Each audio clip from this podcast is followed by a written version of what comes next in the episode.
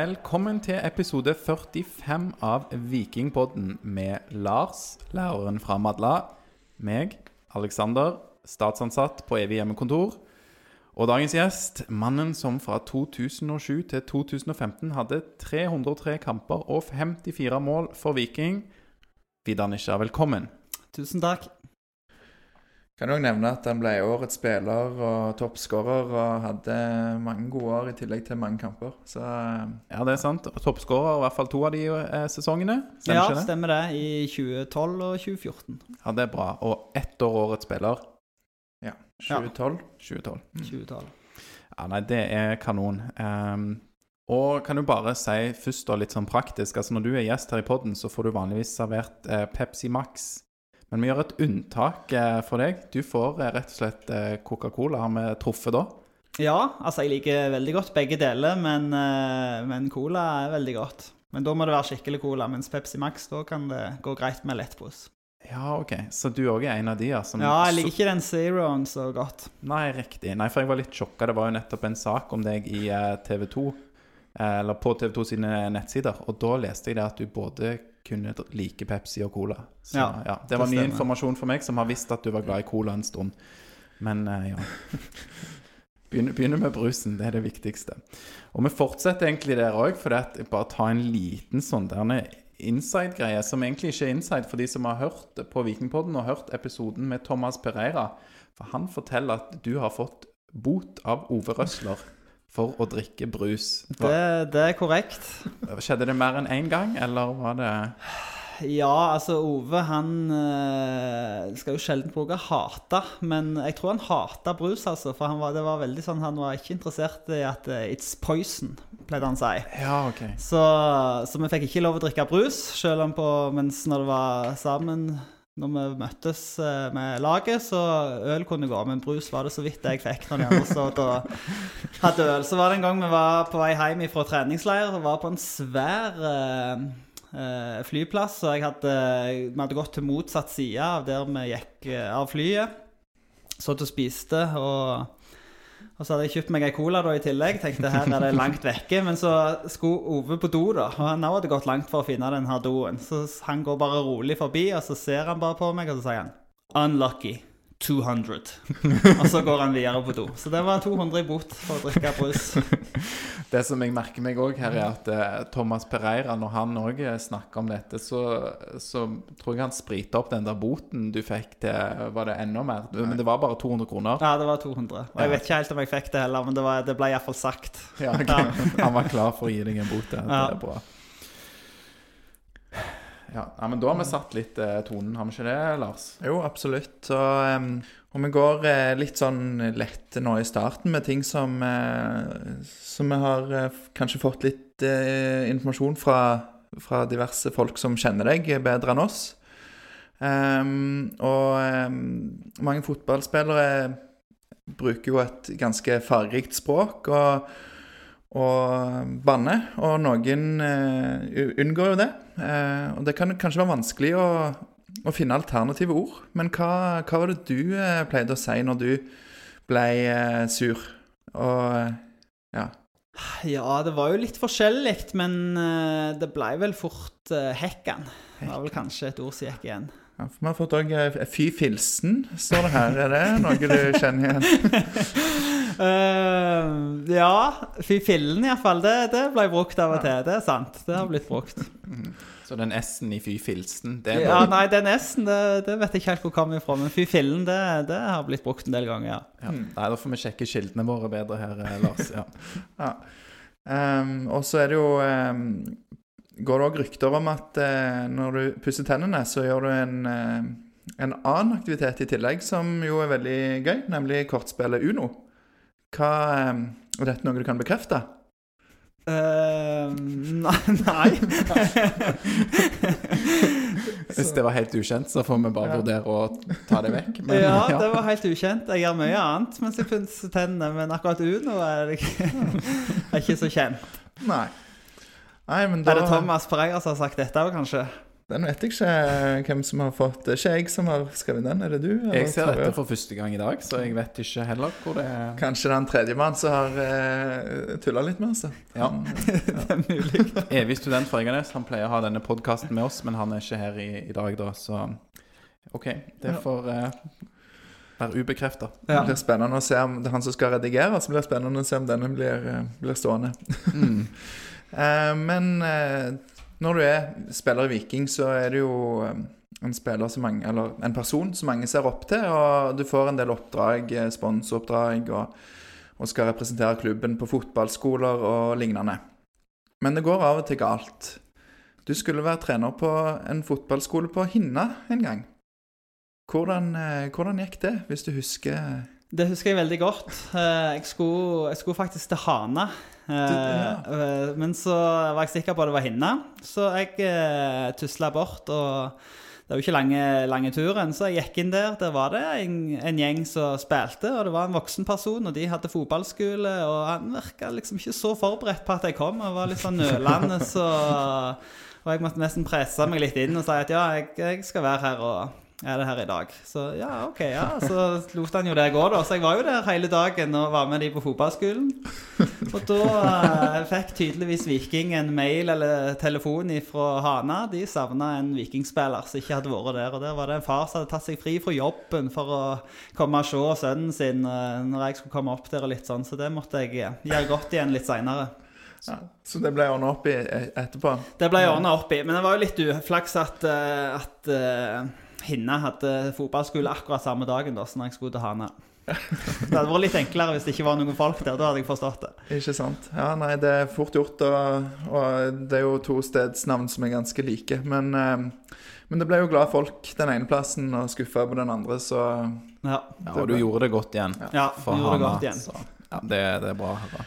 Og så en annen eh, liten, eh, liten Et lite spørsmål her er jo da Når du er i, når dere var i garderoben og sånn, så, så er det noen som har noen faste ritualer, og noen som alltid må være først ut av garderoben. Men hvem var det som pleide å være sist ut av eh, garderoben eh, i din tid i Viking, Vidar? Eh, Det var ofte meg, men det var, på en måte, det var ikke et ritual. Det er bare at jeg er litt treig. Så det var på en måte Mens han som var Som regel var jeg ansist for Alexander Ødegaard han måtte være sist. Det var mer som tvangstanke. Så jeg, eh, mens jeg eh, Det var nok et par ganger han sto og venta med døra, at jeg måtte bare smette gjennom sånn at han fikk gå ut sist. Og det var alltid et eller annet som gjorde at jeg fikk litt dårlig tid. Ja.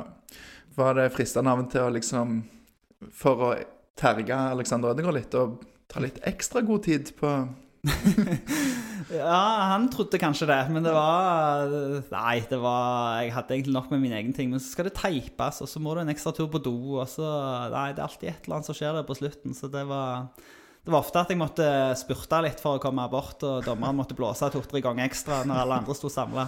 Men det, det hadde ikke noe med, med håndkle å gjøre at du var sist i garderoben? Nei. Vi fikk eh, nemlig fra Thomas Breira en informasjon om at du aldri fant håndkleet ditt. Ja, jeg, eh, jeg så iallfall at Thomas leita etter sitt eh, hver dag i ni år, så det Han var Nei, Thomas han har jo ekstremt dårlig humor. og ekstremt barnslig humor. Jeg tror nok til slutt så var nok jeg den eneste som lo, så derfor gikk han alltid framføre. Men det som var saken, var at han var i dusjen, og så kommer han jo dassas ut ifra dusjen. Eh, går han naken utover midt mellom alle folka der, og så spør han er det noen som har sett håndkleet mitt. Sant? Og folk har jo hørt denne vitsen 100 ganger før, men da er han altså kliss naken. Men så har han eh, kylt et eh, håndkle opp i rassen, og så går han og holder det mellom skinkene og går og drasser og lurer på om noen har sett håndkleet hans. Så det er på en måte hans humor. Og da var nok jeg den eneste som lo etter gang nummer to. Så, så da fortsetter han å kjøre den for meg. Ok, altså da, da skjønner vi litt mer av den eh, Ja, Han påsto at det var du som pleide å gjemme håndkleet der, men det var altså ikke tilfellet. Nei, det var nok motsatt. Det må, motsatt. det er som regel motsatt av det Thomas sier. Ja, nei, vi, vi blir jo litt mer og mer kjent med Thomas Pereira, vi òg, etter hvert som vi ber han om å bidra med input til podkasten. Så det er veldig, veldig hyggelig. Så skal vi lære å filtrere der òg. Ja. Yes, nei, men Da har vi begynt litt eh, lett, og da skal vi begynne på en eh, kategori her som vi har kalt 'Tiden i Viking'. Og det er jo kanskje det som de fleste av våre lyttere er mest eh, interessert i, da, er jo Du har jo vært i Viking i ble det, Var det ni år, teller jeg riktig da? Ni Mm. sesonger? Ja. Ja. Sier du at vi begynte lett, og at det nå blir tungt, eller fortsetter vi med Det kommer jo noen lette spørsmål også. Kanskje noen er litt mer sånn ja, i dybden? litt, litt i dybden, ja. Ikke tunge, men i dybden. Og vi, vi begynner jo da helt i begynnelsen av tida di i, um, i Viking, Vidar. For du var i Bryne du, siste år av kontrakten din. Du hadde hatt to år som relativt eh, fast på laget. Og du spilte òg på U19-landslaget, stemmer det? ja, stemmer det. Så da er jo spørsmålet enkelt og greit eh, litt sånn todelt. Eh, hvorfor eh, gikk du til Viking, og hvordan gikk den overgangen for deg? Grunnen var Altså, det var jo som sagt siste, siste året mitt av kontrakten. Eh, Bryne drøyde med å gi meg en ny. Jeg hadde jo lærlingkontrakt der. Hadde vel resignert den én gang. Eh, men det er klart som lærlingkontrakt. Du starter på 3000, og så bygger du deg bitte litt opp etter hvert.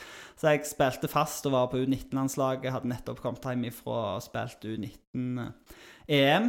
Eh, hadde gjort det bra både der og, og for Bryne, og tenkte at ok, nå, nå er det på tide med litt eh, det som jeg anså som ei rettferdig lønn. da. Eh, Jeg syns jeg tjente for lite i forhold til hvordan jeg hadde gjort det. Eh, Så det starta på en måte med det, og så fikk jeg et tilbud. Og så tenkte jeg hadde liksom sett for meg noe hvordan, sånn cirka, for du, i en garderobe så vet du jo sånn cirka hva folk tjener. Så du har sånn noenlunde peiling på, på hvem som har mest, og, og hva som er vanlig. Men så fikk jeg et tilbud om å gå opp eh, 1500 i lønn bare, eh, fra det jeg hadde da, som var lærlingkontrakt.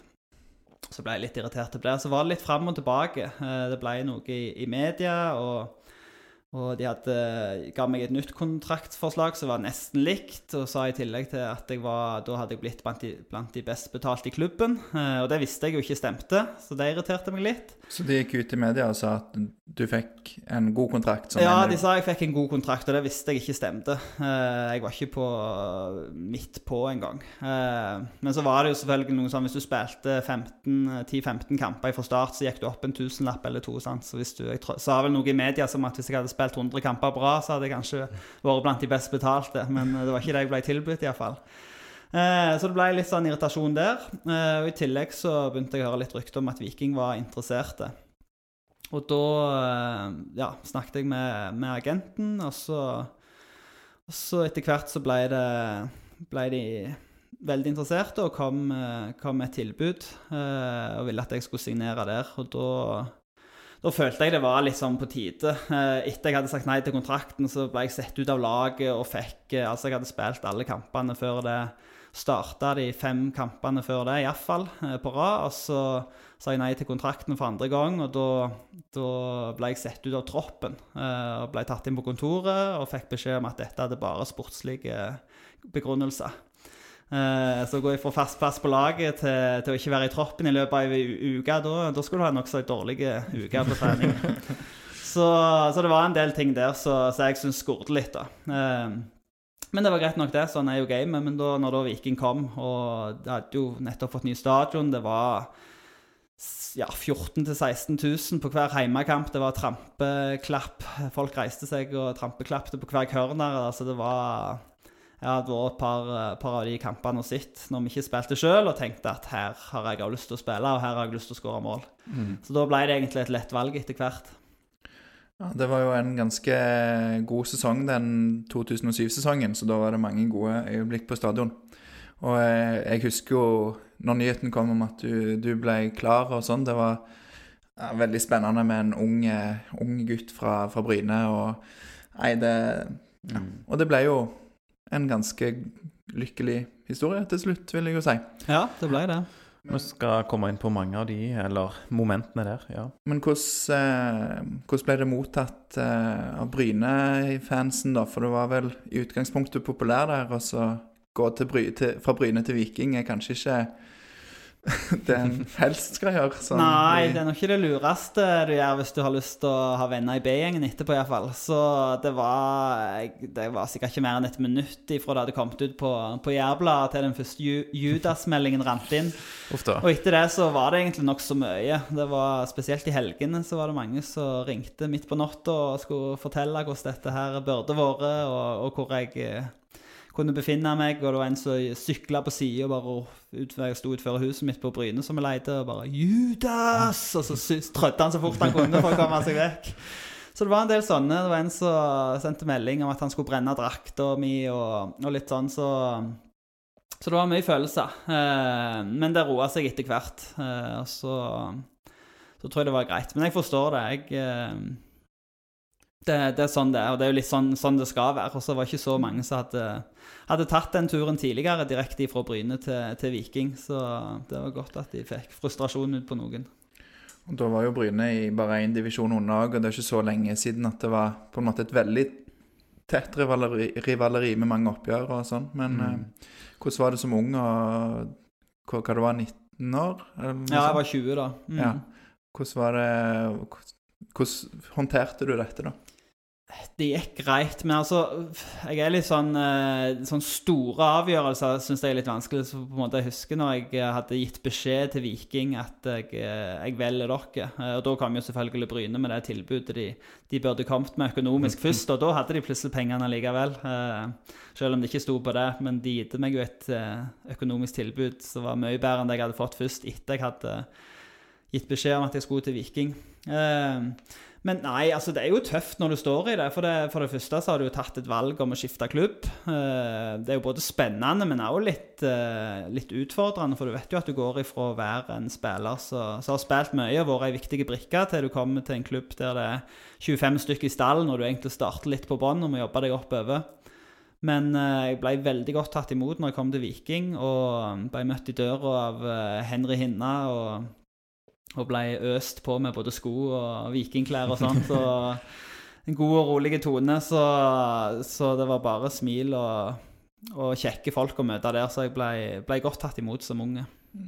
Jeg tenker jo òg det at uh, disse vennene du ikke lenger har i B-gjengen, og sånt, de kunne jo òg ha kanalisert uh, noe av den frustrasjonen inn mot, mot egen klubb, høres det ut som. Og du tror du er en eh, ærlig mann, eh, Vidar, så når du sier at eh, ja, disse tingene du forteller, at du blir tatt inn på kontoret, og det er bare sportslige ting som gjør at du blir satt ut av laget og sånn, det høres jo Altså, du sier det er en del av gamet, men eh, for meg som ser det fra utsiden, så syns jeg at det går ikke an å holde på sånn.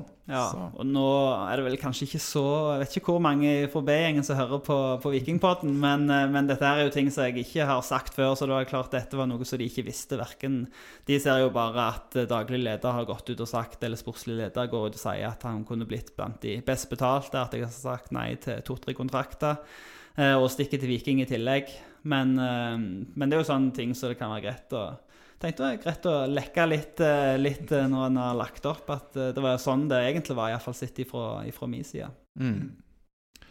Ja. Og så var du vel vikingfan fra du var liten, sånn innerst inne. Det stemmer jo. Det var jeg. Så jeg var jo, jeg var jo på i 2001. Da hadde jeg på meg vikingskjerfet og, og jubla på, på Ullevål. Så var faktisk Hadde fått billetter gjennom Bryne, meg og broren min. Eh, også, for det var liksom de Vi fikk ikke tak i vikingbilletter, så, så ok, greit. Og begge vi var jo vikingsupportere, men vi, vi kom, smøg oss inn tenkte vi må holde litt lav profil på Bryne-sida. Og så For dette her var jo selvfølgelig før jeg hadde kommet opp på A-laget, men jeg, jeg var med Bryne litt. Så vi hadde fått billetter der. Og så traff vi tilfeldigvis noen han kjente, som var Bryne-supportere, men som hadde fått tak i vikingbillett. Ja, okay, Så da switcha vi bare en sånn halvtime før kampstart. Så da switcha vi, så fikk de våre billetter og stakk og kjøpte Bryne-utstyr. Og vi fikk deres billetter og stakk og kjøpte så mye vikingutstyr vi greide ut før Ullevål. Så da fikk vi være med på festen på rett side. Det høres bra ut. Uh, åh, gøy å være med på en cupfinaleseier her, Aleksander. Ja, absolutt. Jeg har jo bare fått vært med på den i eh, 2019, og så har jeg fått vært med på den året før, i 2000, som ble tap, da. Så det var jo Ja. Men eh, seier, det smakte veldig mye bedre. Ja. Så var det jo ja, ikke så langt ifra vel at det ble eh, cupfinale på Viking òg i 2015. Det var jo en kamp som ja, Trenger ikke snakke så mye om den. Viking Sarpsborg med Keefer Moore som spiss og i det hele tatt. Ja, stemmer det. Det burde blitt, uh, burde blitt cupfinale da, siste året. Hadde det vært du som fikk den muligheten på stupheaden der, så hadde han vel vært inne. Da tror jeg han så det i mål. Nei, Jeg husker jeg sprang der og prøv, prøvde å se langt bort mot Kjelle der og liksom gi han et blikk at nå er jeg klar til å komme inn, men det, det varte og det rakk, så jeg tror ikke jeg fikk altfor mange minutter. Men jeg husker jeg hadde en sjanse, det var et legg fra venstre der. og jeg timer nokså godt og går opp og header ned. Det er sånn Jeg skal heade han i samme side som så han kom ifra, så hedda han ned i marka og i mål, og så treffer jeg akkurat foten til han. Så det husker jeg var irriterende. Men, Mm. uh, så jeg hadde en liten mulighet sjøl òg der, men jeg tror uh, Keefer sin var, var enda større. Ja, Det kommer jo et, eh, et lite spørsmål om han i forlengelsen av dette her som kommer nå. For vi har fått et lytterspørsmål om hvem den beste spilleren du har spilt med, er i tida di i Viking. Oh, det er jo alltid vanskelig. Uh, men eh, jeg har spilt med veldig mange gode spillere. Eh, mange som har stukket seg ut. Men jeg tror nok den som har hatt mest wow-faktor, det må vel være Samuel Adegbenro. Eh, jeg husker når han og Sullemann kom eh, på trening, det var bare sånn wow. De kom, kom ifra flyet og hadde på seg sandaler og T-skjorte og shorts og, og var klar for å prøvespille. og men de var, de var helt sinnssykt gode. Eh, Du bare så de hadde sånn rått materiale, så det var mulighet til å gjøre veldig mye med. Eh, Så jeg tror det er faktisk eneste gangen jeg har gått opp til Det var Løkland som var sportslig leder, eller daglig leder, da. Så det er vel eneste gangen jeg har gått opp på kontoret hans og sagt at disse to må vi signere etter første trening. For de var det noe spesielt med. Ja, det slo jo til, det. På, um, på, på, både på prestasjoner på banen, men òg i s- videresalg seinere. Um, du sier jo Altså, du, du har jo spilt med over 100 spillere, tror jeg. Jeg mener jeg leste en artikkel på eh, Mot slutten av karrieren din så var det du var omtrent den eneste igjen, og da hadde det vært over 92 spillere innom, eller noe sånt. Ja, bare i Viking, ja. Ja. Mm. Ehm, enkelte med større suksess enn andre, og enkelte med større forventninger enn andre. Men hvem er liksom den som egentlig var best, men som ikke fikk det til i Viking? Vi snakket jo om Keefer Moore. Han har jo gjort det veldig bra nå de siste årene i engelsk eh, nivå 2. Han har lært seg å heade òg. Og... Ja, ja, ja. Men hva, ja, har du noen tanker om, om det? Hvem som på en måte ikke fikk ut potensialet sitt? Ja, det var jo dessverre flere. Altså, det var jo en periode Viking brukte veldig mye penger. Eh, men ikke fikk så gode resultater. Nå skal det være sagt at det, det var veldig mange andre klubber i Eliteserien som brukte mye penger i den perioden. Eh, så det var jo flere kjøp der, men jeg tror nok altså For å starte litt yngre enn da en spiller som Andreas Ulland Andersen. Ja. Uh, Han hadde jo ekstremt potensial. Vi kjempet jo i 2010 så kjempa jo vi om høyre høyrekanten når Åge Hareide kom inn. Eh, og Ulland Andersen han var jo helt motsatt av meg. altså Jeg likte jo å ha ballen og gå innover og bli med i boks og avslutte og sånt, mens han var jo en klassisk eh, kant som lå med krittet, rask, ekstremt god dødballfot, innleggsfot. Eh, så han, han hadde veldig mye av det som skulle til. Så har jo han vært åpen om at han syns det var Det syns jeg er veldig fint, men det var ikke noe vi visste da. Men i ettertid har han vært åpen om at han syntes det var sider av fotballen som var vanskelige. Forventningspresset, media, alt som ble skrevet før og etter. eh, Og at det egentlig har vært en skikkelig hemsko. At han kunne begynne å grue seg både på onsdag og allerede på onsdag og torsdag i forhold til kampen. Så det er jo ei side som en kanskje ikke tenker så mye over. eh, At det er en mentale side òg der. At skal, det er ikke bare å ha ferdighetene, men en må takle alt det rundt. Og det, det takler folk litt forskjellig. Mm. Mm. Han fikk vel òg eh, noen punkterte lunger, så satt han litt tilbake sånn rent fotballmessig, men eh, Absolutt. Ja, så han, han fikk ikke på en måte fullt potensialet sitt fullt ut, selv om han hadde en god periode i Viking. og man la opp etterpå, eller gikk ned til Han gikk vel til? Bryne iallfall og var der en periode, men så gikk det ikke altfor lang tid før han, før han la opp. Så nå tror jeg han er trener, var iallfall, trener i Haugesund-området. Ja. Mm. Jeg og skal ikke spørre deg om hvem som var på en måte verst, eller eh, som absolutt ikke svarte til forventningene, hvis ikke du sjøl vil ta det. Eh, men hvor god var Kiefer Moore når han var i Viking? Altså, han Jeg husker jo første trening hans. Eh, da syntes jeg det var noe med han. Eh, Og han var, var jo svær, men han var forholdsvis grei med ballen. Og jeg syns han hadde et eller annet, liksom, så jeg forsto at de henta han. Men etter hvert som tida gikk, så ja, så mista vel kanskje litt sjøltillit. Det var første gang han var utfor, uh, utfor England, uh, eller UK iallfall. Wales spiller han vel for. Uh, det var sikkert flere ting som, som slo inn. Altså, han, var, han, var, vel rundt 23 år, tror jeg, på, når han spilte for Viking. Så så på en måte så Så han fikk det ikke helt til. Men det er jo litt, eh, er jo litt av uh, fotballhverdagen, da. At da, da, kan du gå videre, og så plutselig får du det til i en annen klubb. For han hadde vel et to-tre år etterpå der òg, der han ikke spilte på noe veldig høyt nivå, så plutselig slo han gjennom. Og nå gjør han det jo veldig bra i, i championship og bøtter inn med mål, så det, det er stilig. Han er jo litt sånn Vardi Light-person, kanskje. Han har spilt litt lavere nivå. Eh, og så har han gjort det bra når han blitt litt, litt eldre. Så det er mm. kult. Men det var ikke noe sånn ja, det var ikke noe sånn at en liksom aldri forsto hvorfor han ikke fikk det helt til. Han, var, han, var, grei i Viking, men, men ikke noe sånn som en la spesielt merke til. Nei. Og så er det vel litt sånn òg at uh, fotball generelt, men kanskje Stavanger spesielt, det er ikke en, den beste plassen å være hvis du ikke på en måte får det helt til så kan det være du får litt eh, Det er vel kanskje flere steder òg, men at det kommer fort fra tribunen og ja, det er kanskje bedre å være i eh, Sogndal og Mandalskameratene, liksom. Jeg vet ikke, men eh, Mindre ja. klubber med, med, mindre forventninger, så Absolutt. Ja. Nei, og så ble det jo denne her semifinalen i 2015. Ja. Nei, skal ikke snakke mer om, om det. Um, du, Vidar, var innom både høyre og venstreback, eh, alle plasser på midtbanen. Og kanskje du òg vikarierte som spiss noen ganger, hvis jeg ikke husker feil? Ja, det hendte av og til at jeg var oppe og lukta på spissplassen òg, ja. ja. Hva, hva, var egentlig yndlingsposisjonen din? Det var offensiv midtbane eh, i 4-2-3-1, sånn som vi spilte i 2014. Da da hadde jeg jo en veldig god sesong. Eh, ble toppskårer og var egentlig i den, eh, den posisjonen som jeg sjøl syntes jeg var best i. Jeg ble jo henta som wing eh, av, av, Viking. og det er grunnen til det. Jeg spilte jo egentlig sentralt når jeg spilte juniorlaget.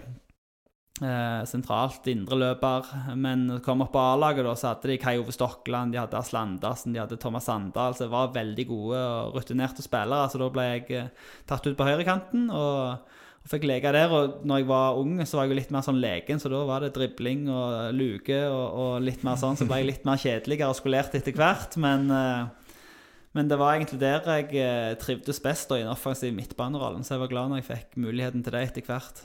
Ja.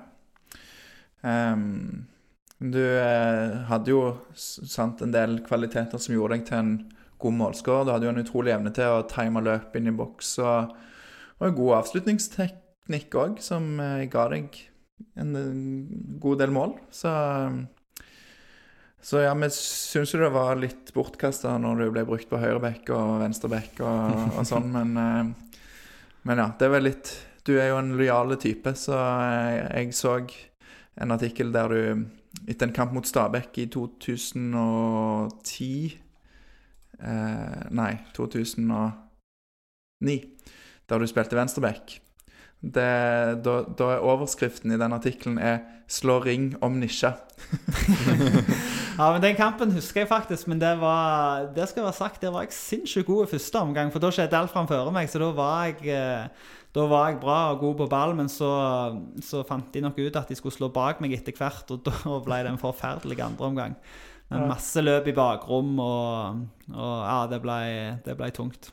Da var det Ove Røsler som frikjente deg etter marerittvikariat. Det var liksom uh, ja. overskriften der. Men... Du er slemme da hvis du er god en, en halv kamp, men OK. Mareritt. Uh, ja. Det var iallfall sånn jeg husker det. At ja. det var full kontroll første omgang, og så ble det verre andre omgang. Ja. Men uh, Var det den verste kampen din i, i tida som vikingspiller?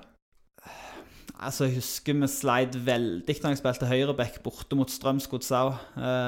da òg rundspilte de oss på, på alle områder, men, eh, men vi fikk kjørt oss litt og ble isolert, ofte to mot én mot meg, der med offensive backer og, og sånt. Så ja, vi har latt noen brukbare backkamper, men det var sånn nød, nød, nødløsning. Når to-tre andre var skada, så, så fikk jeg en mulighet av og til. Men heldigvis så var det ikke der jeg ble brukt eh, aller mest. I de kampene der så møtte du eh, sikkert en del som du sier, gode kantspillere og sånn, men hvem er den beste du har spilt mot? Den beste jeg har spilt mot, det må nesten være eh, Johan Gourcoff. Eh, Oi, ja. Jeg vet ikke om det er rett uttale, men eh, vi møtte Frankrike i U19-EM. Eh, og han skårte tre mål mot oss da. Og var første gang jeg hadde sett Vi var 19 år da, og var første gang jeg hadde sett en så De fikk straffe, og han bare tok han med vrist og klinte nede, nede i venstre hjørne. Og det var liksom Jeg var vant med at det ble brukt innsida hvis du skulle liksom sette han nede der, men han bare dunka til med vrist og en skikkelig markrype. Så han eh, så av personer som har imponert i én kamp, og da kjente vi ikke selvfølgelig til han, siden vi hadde ikke spilt mot de noe før, men, eh, men han var veldig bra i den kampen. Han var en jeg alltid signerte på FM, så jeg, eh, jeg kjenner til han. Ja. Men i, i tippeligaen, da, hvem Husker jo Alansinho herja en, en periode der. Jeg vet ikke om det var han som spilte mot deg på Stabæk, men uh... Vi spilte jo faktisk mot han når han var på prøvespill. Uh, For med, med U19-landslaget så hadde vi en treningskamp med, med Stabæk, og da var han på prøvespill der. Så det var liksom første gang jeg fikk sett han. Og han var jo uh, ja, han ligger legen da så, så han var i Eliteserien etterpå. Men han, han var veldig god. Og Nanskog og Veigar De er jo, var jo et ekstremt radarpar der. De, jeg tipper det var oftere at de hoppet over ballen enn at de tok imot den, for de var liksom alltid en luke, og så spant de rundt, og så ble det veggspill. Så, så de, var, de var veldig flinke og vanskelige å stoppe. mm. Vi går litt eh, videre her, og vi var jo inne på noen kamper i eh, 2009-2010. Men hvis vi går til Viking Vålerenga i 2014, husker du den eh, kampen, eh, Vidar? Den husker jeg godt. For den endte 5-5. Ja. Er det den villeste kampen du har eh, spilt?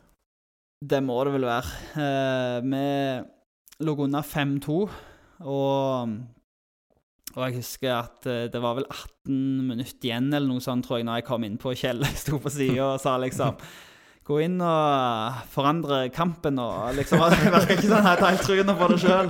Det var liksom rimelig dødt. Men eh, det var det var en kjekk kamp. Jeg fikk jo skårte to mål. Hadde en i stolpen og hadde en assist. Og i tillegg så hadde jo Jeg tror det var Osita Shikere som hadde en gigantisk mulighet på slutten til å sette 6-5.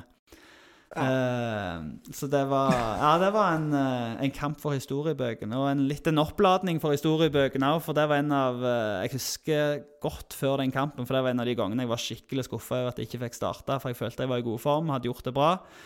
Når jeg da ikke fikk starta, så Det var en av de gangene neste gangene jeg var litt sånn drit i holdning. Så jeg, eh, da var det Da husker jeg jeg var lenge oppe og tok et nattbad i, bad i totida om natta på Ålegård med noen kompiser og liksom la meg sånn tre-halv fire-tida.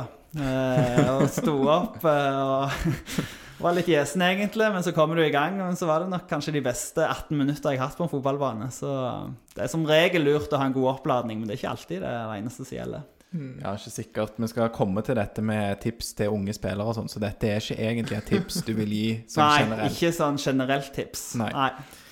Nei, jeg får prøve å kanalisere det, da, som du klarte å gjøre i den, eh, den kampen. Eh, Lars viste meg noen klipp her før vi kjørte i gang, og det var, skulle jo kanskje ha vunnet den på tampen der, ja. Men eh, Ja, Den finner du jo på YouTube, så det kan vi jo anbefale folk å ta en kikk. på Viking Vålerenga 2014, ja. 5-5. Mm. Folk på tribunen var det òg. Ja, ja. Det er for de som er litt unge, som ikke husker at det har vært folk på tribunen. De kan jo gå på YouTube og oppleve det. Du var vel også litt, eh, hadde en klar melding, for det var en del som gikk, kanskje? I, eh, når det var 5-2? Eller når, Jo, ja. det var jo eh, generelt ofte noen som gikk uansett om, om vi leda 3-0 av, så var det alltid noen som skulle nå bilen, selv om det bare var fem minutter igjen. Så, så det var jo litt sånn så, så gikk igjen. Men det er klart, det er jo alltid litt kjekt når du Når folk går hjem og er leie, og så, så klarer du å snu det og blir en av de kuleste kampene på årevis. Så, så det er stas. Mm, kult. Mm. Eh, hvilke av dine mål for Viking, Vidar, ga deg den beste følelsen, eller var liksom det beste målet du føler du har skåret? Så det var jo veldig spesielt det første målet borte mot Brann. Eh, ga kanskje ikke den beste følelsen, for da lå vi unna 4-0 når jeg kom innpå, og jeg reduserte til 4-2, så selv om det var mitt første mål og 18 000 galne bergensere var helt rolige i noen få sekunder, så det var jo en god følelse. Men, eh, men det var liksom ikke den der eh, Det var ikke vits i å juble så mye. Det var liksom bare yes, eh, hånda opp i været, og så komme seg tilbake og håpe at du hadde muligheten til å, til å hente det inn. Men jeg husker jo det målet veldig godt. Og så husker jeg godt eh, brassen mot Stabæk. Jeg husker ikke helt hva, hva årstall det var. Uh, men eh, jeg hadde en brasse der, og så husker jeg at jeg Det målet som jeg egentlig syntes var finest, var mot eh, Tromsø i 2008. Der det er et langt innkast, og så Marmen Yang stusser han. Jeg får han på brystet og tar en slags Cruyff-vending i lufta og smeller han stong inn med venstrefoten. Eh, og da kom faktisk eh, dommeren bort eh, når vi sprang mot, eh, mot eh, midtbanen etterpå og sa at det der var et flott mål. så det må være godkjent når dommeren sprøyter deg på vei til avspark. Ja, det Er, er det sånn som dommere kan finne på å si? Altså, er det Det er ikke ofte, men det har jo noen sånne. Det var en annen gang når vi møtte Rosenborg borte, og Anthony Annan han holdt på å klore og rive og sånt. Og da var det en gang vi var i en duell, og da tok dommeren sport, og så sa han sånn Nå, gutta, har jeg egentlig ikke så mye jeg skulle si, men dette ser bra ut på TV. Mm. Gå og spill igjen. så det var, han var liksom, han hadde ikke noe å si, men han måtte liksom samle sånn det så bra ut på TV. Nå kan dere springe vekk. så den var litt fin. Så de har glimt i øynene av og til. Så bra, da. Det er jo bra hvis de òg er ja, glad i sporten og kan identifisere den type ting. Men uh, var, det, var det mest antonianene som eh, klorte på deg, eller var dere like gode der? Nei, det, det var absolutt han. Jeg hadde, hadde kloremerke i nakken i ukevis etterpå, så han hadde, han hadde ikke filt de neglene der på en stund, tror jeg. Han var vel eh, litt kjent for litt sånn tjuvtriks. Han stakk vel fingeren opp i rumpa til Muri òg, hvis jeg ikke husker feil. eh, Det var noen kampen. episoder der, ja. Så det var vel hans måte å spille på å få ut det beste, for han var jo en god spiller. Ja. Men jeg husker jo altså, Snakk om mål som gir god følelse. Jeg tror du var veldig glad i å skåre mål, ikke sant? Det stemmer, det. Og det er jo noe av det jeg setter veldig pris på med, med spillere som, som du gjorde, da. For det er når jeg søker på Vidar Nisja, så kommer det opp masse bilder der du er så sykt glad. Og jeg digger jo det. Det er altfor mange som skal være så tøffe når de skårer mål. Men jeg eh, liker å se ekte glede, og det, det liker jeg eh, sånn som du viser, da. Eller Mm. viste når du spilte i Viking, så Ja. Ja, du røpte at du ikke spiller så mye fotball nå for tida, Vidar. Stemmer ikke det? Ja. Det er veldig lite, Ja. så det har vært rolig nå etter jeg la opp. Mm. Eh, da skal jeg bare si her Jeg må jo gi creds til Steffen Christensen, som hadde sendt inn eh, spørsmålet om eh, dette beste målet ditt. Em, så tar vi et spørsmål her fra Tonje Klungtveit. Hva er ditt beste minne fra tiden som vikingspiller? Det kan jo være det var et av de målene, eller er det noe annet du vil trekke fram?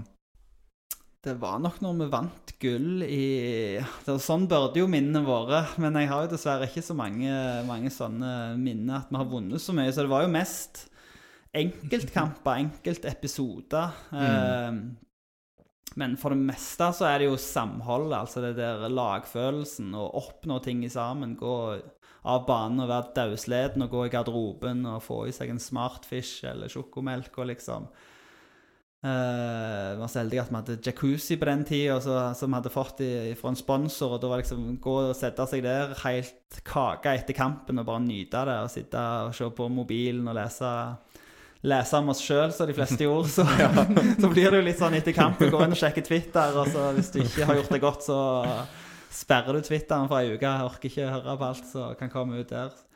Men det det er vel som de fleste andre jeg har hørt etter de har lagt opp, at det er jo garderoben de savner mest. Det er veldig kjekt med kamper og liksom det der adrenalinet når du er ute på og sånt, men, men det er jo det samspill og de minnene en skaper sammen, og, og ikke minst både før og etter trening. Mm.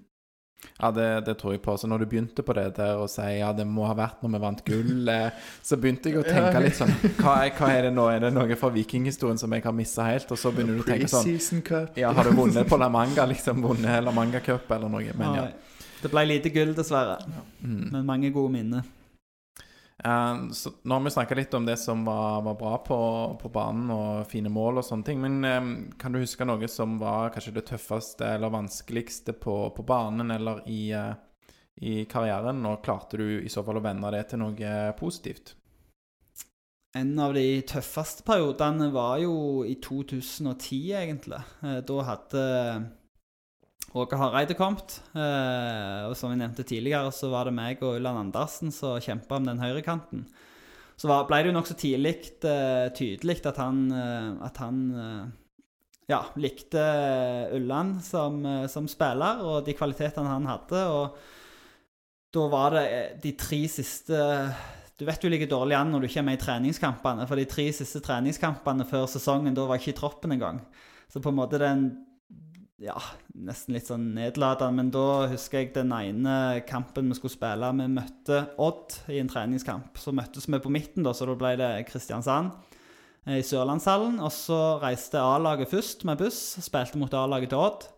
Og så sånn, eh, når det var et kvarter igjen av kampen, så kom jeg og resten av juniorlaget med en annen buss og skulle møte juniorlaget til, til Odd.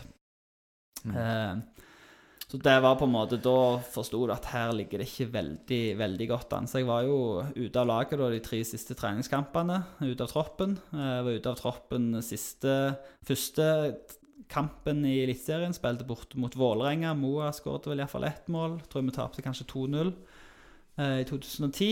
Eh, og var jo egentlig på vei vekk, da. Hadde gitt beskjed til Bryne at jeg skulle eh, at jeg gikk tilbake til de. Eh, men så fikk vi to skader den, eh, den uka mellom eh, Vålerenga-kampen og fram til Brann. Og av en eller annen grunn så, så fikk jeg muligheten til å starte da. Den kampen gikk jeg fra ikke vært i troppen de fire siste til å plutselig starte mot Brann. Mm. Husker jeg gikk utpå og bare tenkte at nå, nå skal jeg nyte det. Det kan bli siste kampen før jeg signerer for, for Bryne. Skårte mål, vi gjorde det veldig bra. Vant Ble det 4-0 til slutt, eller noe sånt kanskje. Og så så intervjua TV 2 uh, Åge Hareide etter kampen og liksom spør ja, er det sånn at, at Nisja skal vekk ennå. Nei, han blir. så da var det på en måte i løpet av eh, en dag der så var alle planene eh, gjort om på. Og så den sommeren så ble det en ny eh, treårskontrakt med Viking. Ja, det, da var du nære. Det var et spørsmål man hadde skrevet ned. Hvor nære var du? Og da var det egentlig på langt, langt vei. Klart, ja. Mm, og så Ja, det var det. Jeg Ja. hadde fått beskjed av eh, Jeg hadde vært oppe på kontoret til Egil Østenstad og, og fikk beskjed om at jeg kunne finne meg en ny klubb. Og da var det jo bare ei uke til vinduet stengte. Eh, så det var jo veldig dårlig tid, og de fleste som hadde litt kontroll på, på stallen og økonomien, de hadde på en måte henta de spillerne de ville. Så jeg husker jeg spurte han til meg ja, er det sånn at uansett hva jeg gjør nå, for jeg hadde jo kontrakt ut året, så kom jeg ikke til å spille eller få, få muligheten eller få ny kontrakt. Ja, nei, sånn var det. Det var på en måte en bestemmelse som ble tatt. De skulle satse på andre. Så tenkte jeg ok, greit. Da var det Kongsvinger kom fort opp. De spilte jo Eliteserien på det tidspunktet. Bryne kom fort opp. Eh, og jeg hadde egentlig gitt beskjed til Bryne at jeg valgte de, men de hadde jo brukt opp pengene sine for sesongen og trengte sponsorer eh, til å komme inn og dekke, dekke lønna mi. Uh, og da var det tre stykker som skulle spleise på dette. da, Så da var det to av de hadde sagt gitt go med en gang, mens den tredje personen som måtte gi go, han var i et veldig viktig uh, businessmøte nede i Asia en eller annen plass. Så han ville de ikke bry liksom med dette her før han kom tilbake, for det var et veldig viktig møte. da, Det var en stor kontrakt han skulle forhandle, og de kunne liksom ikke ja, så han, eh, de måtte vente, da. Men det var akkurat de dagene der vi spilte en liten kamp inn, i- inn imellom der. Så når han kom tilbake, så var det kjørt. Da ville Åge ha meg allikevel. Så det var veldig nærme. Det skal vi som er glad i Viking være glad for. Så ja, For det ble jo seks hele sesonger eh, til etterpå. Mm. Og kanskje de beste òg, så det men, men var det flere ganger, eh, Vidar, at du var liksom på nippet til å ja, forsvinne vekk? At du nesten var ferdig i Viking? Ehm, ikke så tydelig så, så den sesongen i 2010, men det er klart det var jo noen ganger der var Der jeg ikke fikk spille så mye, og det var andre perioder der jeg gjorde det bra, og andre klubber var interesserte. Jeg husker Stabæk var nokså nærme på en gang. Uh, ville ha meg, og det var snakk om OB i, i Danmark. Uh, men det ble aldri noe sånn konkret, så det ble på en måte ikke mer enn at jeg fikk beskjed om agenten at det kunne nærme seg noe. Vet at OB så sto det mellom meg og, og NT, så til slutt så gikk de tydeligvis foran andre, da, for da ble det ikke noe tilbud der. Men, eh, men det var nok da i 2010 det var, var nærmest på. Mm. Er det noe som du hadde ønska, kanskje, å sette en annen del av eh, landet, eller dratt til Danmark som eh, fotballspiller? Ja, det hadde vært aktuelt. Eh, det hadde det absolutt. Men det ble på en måte aldri så konkret at det ble, ble mer med snakket, og at de var interesserte. Men uh, som alt annet, så på en måte du, du prøver å ha fokus der du skal ha fokus. sant? Så, så selv om du hører litt at det kan bli andreplasser, så, så før det er noe konkret på bordet, så tenker du egentlig ikke så mye over det.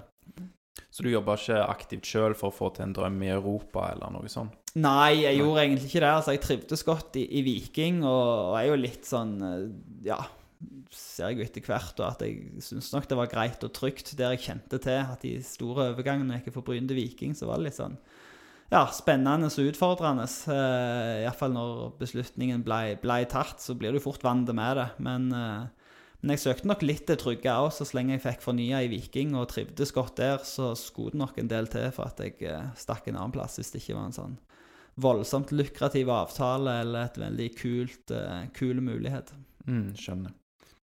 Skal ta noe litt annet. Um, og det er Halvard Bjørge. Eh, han heter Halvard89 på Twitter.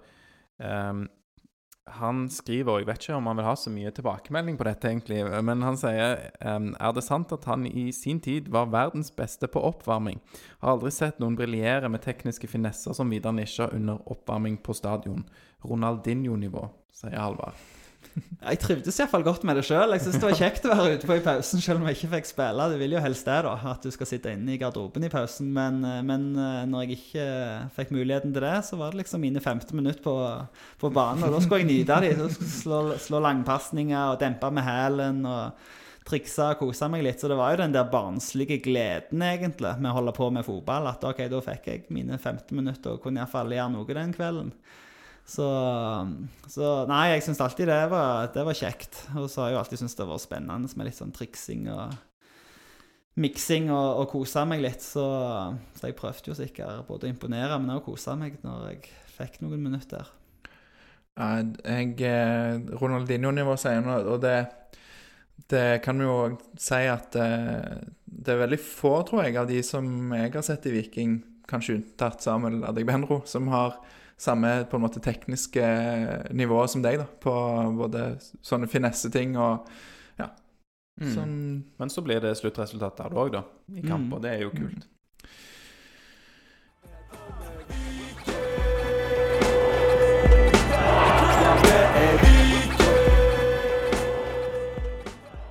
Du var jo ganske ofte Eller du var jo litt inn og ut av laget, og jeg føler ofte at i i sesongoppkjøringen så var du spiller nummer 13-14 i rekka og var innbytter, og at det aldri var noen av trenerne som skjønte at de måtte bruke deg hvis de ville vinne. Um, og det vil jo du, eh, Lars. For jeg kan jo bare røpe det at uh, Vidar Nisja, som vi har her, han er jo en av dine absolutte favoritt-vikingspillere gjennom tidene. Det visste ikke du kanskje, Vidar, men det er Lars snakker ofte om deg. Ja, ja. ja men jeg hadde en følelse av at du hadde god peiling på fotball. liksom. Det er bra. Um, men det tar oss jo litt inn på da, med liksom, neste bolk har vi kalt for trenerne. Uh, for du hadde jo en del trenere i tida di i Viking. Og hvem av trenerne som var innom Viking i tida di, var på en måte best, den beste matchen for deg, da? Eller at det klikka mest med? Jeg vet ikke om du skjønner spørsmålet her? Jo, eh, og det var Da skal vi faktisk eh, ut av landet. Det var Pep Clotet. Ja. Så han var under Åge Hareide sine vinger. Siste året til Åge, da gikk han over til litt mer sånn managerrolle. Og Pep kom inn, og det var for min del Så han hadde så mye nye tanker og nye måter å se ting på, og så mye input, at jeg syntes det var sinnssykt kult. Det var en periode der jeg gleda meg til å gå på trening til hver eneste økt, for jeg følte alltid han hadde noen nye element. Han hata jo folk som var i komfortsonen, så uansett om du var kaptein eller var førsteårs junior og kom opp, så var han liksom og pirka på deg med ting. Så noen fikk jo litt høye skuldre. Han var litt sånn enten-eller, tror jeg. Eh, noen likte han veldig, veldig godt, og jeg var en av de, mens andre fikk litt høye skuldre og syntes det ble mye. og, og kanskje fikk det ikke helt til eh, under han, men, eh, men jeg syns han var veldig bra. Og det er vel en av de få gangene der jeg har gått ifra ei trening og vært på taperlag og tenkt at dette dette var ei god økt. Eh, at du faktisk er fornøyd etter våre vært på taperlaget, for da er du som regel alltid negativ til deg sjøl eller med spillere og laget ditt, liksom, hva skulle vi gjort bedre. Men det var noen økter der som var vanvittig gode, så jeg bare tenkte at dette er kvalitetsøkt, uansett om jeg var på vinner- eller taperlaget. Eh, så den oppkjøringa den likte jeg veldig godt. Eh, Så fikk vi det dessverre ikke helt ut i kamp, men det var veldig mange elementer så, så jeg syns det var kult. Så jeg har tatt med meg videre. Og så, så var det litt sånn unorsk, da. Litt uh, Ikke helt den der NFF-mølla, hvis det går an å kalle det det, som du var vant med mange hadde. Mm. Jeg husker det var mange litt sånn kritiske røster, eller som iallfall um, satte spørsmålstegn med når han ble henta, hva, hva dette er. Og, og han har jo hatt en ganske grei karriere etter Viking òg. Har vært i Swansea og Ja, han var vel i Swansea assistenter når de var i Premier League òg, var det ikke det? Jo, tror det. Mm. Han har vært med Gary Monk. De var i Leeds i sammen en periode. Og så hadde han vel Birmingham alene. Nå er han vel i Brescia eh, i italiensk serie B sammen med Birker, tror jeg. Hvis jeg Ja. ikke tar helt feil. Ja. mm. Kult, da. Kanskje vi skal gjøre en spesialepisode med de to en gang? Ja, det foreslår jeg. Det var kult. Men han var, han var skikkelig type pep. Altså. Han syntes det var kule. Ja. Og han kom jo inn i, i teamet under Åge, som du sier. Og vi har fått et spørsmål fra Torjar, eh, vikinggutten på Twitter, som jo vi kjenner godt. Han er, er det tredje medlemmet av eh, podkasten og litt opptatt med eksamen. Men han lurer på hvem som var best på man management av Ove, Åge og Kjelle. Da kan du gjerne kanskje fortelle bitte litt kort om disse trenerne og forskjellene på de. Ja, eh, Ove var jo litt av den gamle skolen, gamle tyske skolen. Altså han var Jeg syns han var flink fotballfaglig, men han var veldig direkte. Eh, kunne skikkelig smelle og gi beskjed. Eh, og han var liksom eh, nokså krass med Kunne være det med de fleste. Eh, så jeg tror nok det var en del juniorer som hadde litt høye skuldre når de fikk være med. For det var Hvis de fikk være med, da av og til sto de på sida og så på når vi andre trente. Men, men han var han var, han var en god trener, men det var, han hadde nok prøvd å på en måte legge seg litt i selen for å Kanskje. For å på en måte gå ned til norsk nivå i forhold til tilnærming til folk. Men jeg tror han mangla, mangla litt ennå. Åge var jo hadde jo eh, en lang, god CV både som spiller og trener. Eh, har jo gjort det ekstremt bra i ettertid òg. Han husker jeg jo nesten best for noen av de kampmøtene han hadde. Eh, det er vel den eneste treneren der du på en måte litt sånn Der kunne blitt tatt opp på film og vært en sånn skikkelig sånn motivasjonsspeech inn at håret nesten reiste seg. Du hadde bare lyst til å håpe til kampen var nå. Eh, så han hadde to-tre av de når han var virkelig påskrudd. Så var, så var kult. Og Kjelle, han gitt jo mye frihet. Eh, det var jo ikke så mye kjøreregler nødvendigvis, men det var litt eh, ja, mye frihet, og spillerne kunne, kunne gjøre sånn så, litt sånn som de ville. Og det tror jeg han hadde veldig suksess med i, i Molde, eh, med Maktar og den frykta trioen på topp der. Og gjorde det for så vidt resultatmessig nokså nok så bra med oss òg.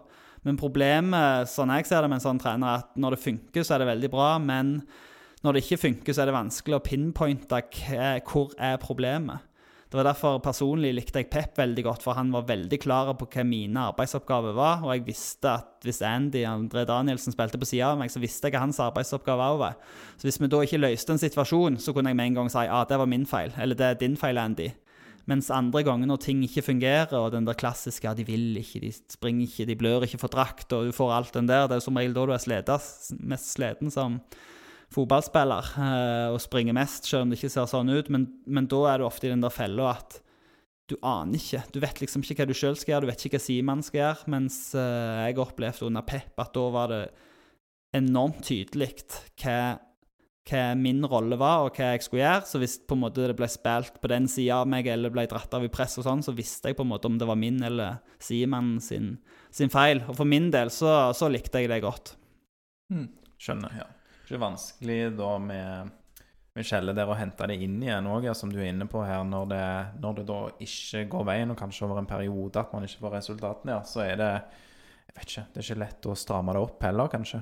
Hvor begynner Nei, man, liksom? det, ja, det var jo litt det. Hvor, hvor begynner du? Og det var jo ikke bare han, men han var jo sånn eh, på en måte åpen. Han hadde en sånn klassisk at han tok på en måte hånda i sammen. At uh, vi skulle være samla når vi ikke hadde ballen, mens når vi hadde ballen, så måtte vi blome. Måste blome, Sant? Og tok han alle, og tok hendene alle fire Nei, fem fingrene ut og liksom åpne opp som en blomst. Da skulle vi være overalt på banen. Mens hvis vi, hvis vi mista ballen, så skulle vi ned igjen i klumpen. Da skulle vi være samla. Måste blome.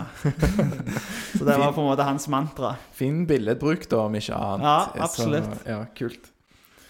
Um, og du um, Ja, du var jo litt inn og ut av laget med disse her, og med Åge var det jo helt ute på vei ut, og så sa han jo at i, midt i 2010-sesongen, når dere hadde en god periode, at, uh, at du hadde virkelig uh, Du hadde blitt piska i oppkjøringen, og at du liksom Nå var du inne. Og det, det ble jo ny kontrakt der. Men litt tilbake til dette med at du var på benken. og altså Hvorfor skjønte ikke trenerne at de måtte bruke deg?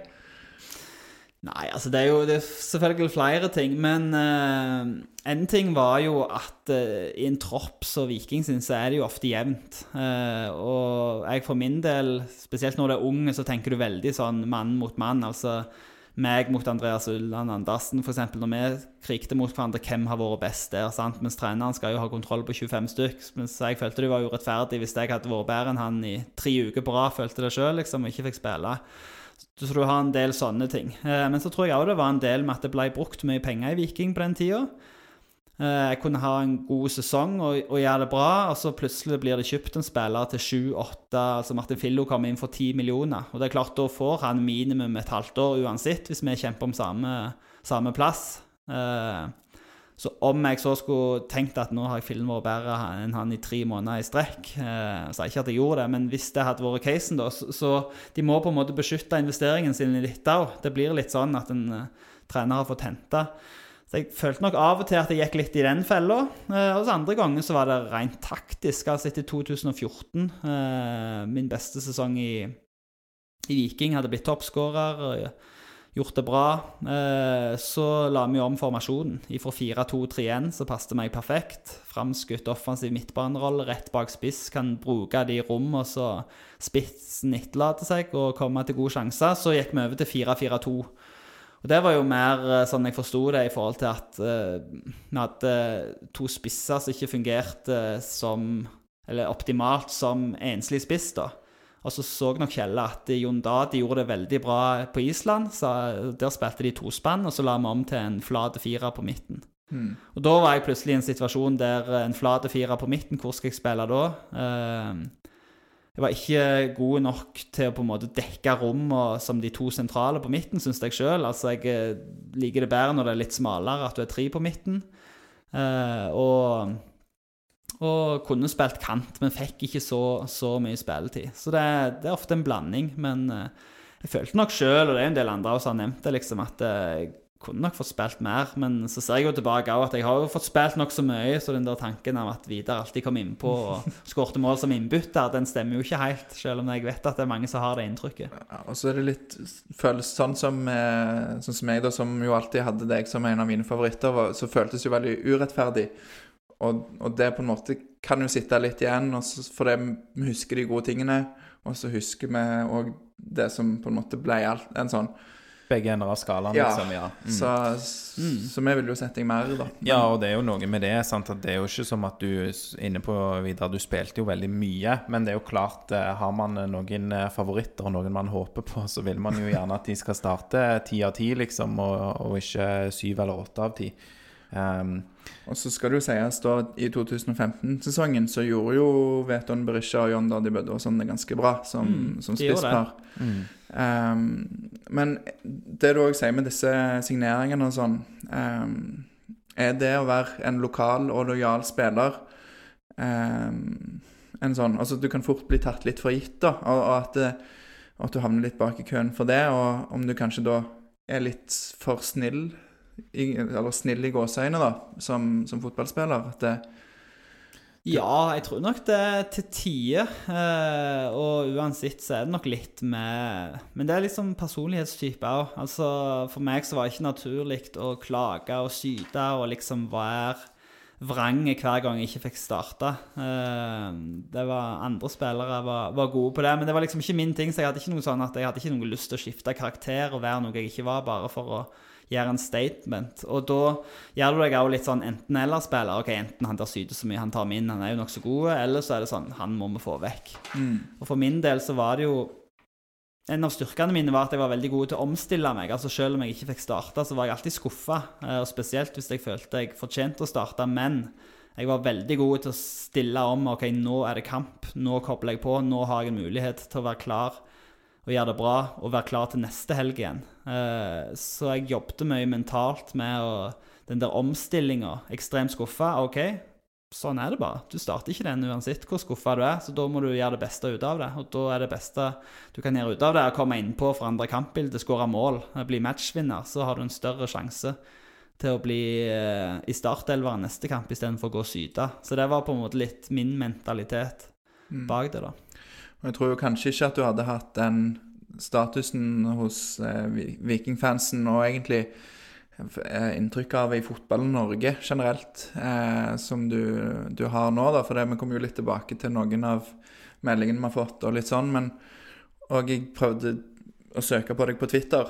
Eh, du er ikke på Twitter lenger, men jeg fant en del Twitter-meldinger der det var fra eksperter i Bergen og folk i, på Østlandet og sånn som trakk fram eh, at du liksom typen du var, da. Eh, så da Kanskje hvis du hadde vært litt mer sytete og, og klagete og, og spisse albuer, så kunne du kanskje oppnådd noen ting, men kanskje du da hadde mista noe annet på veien.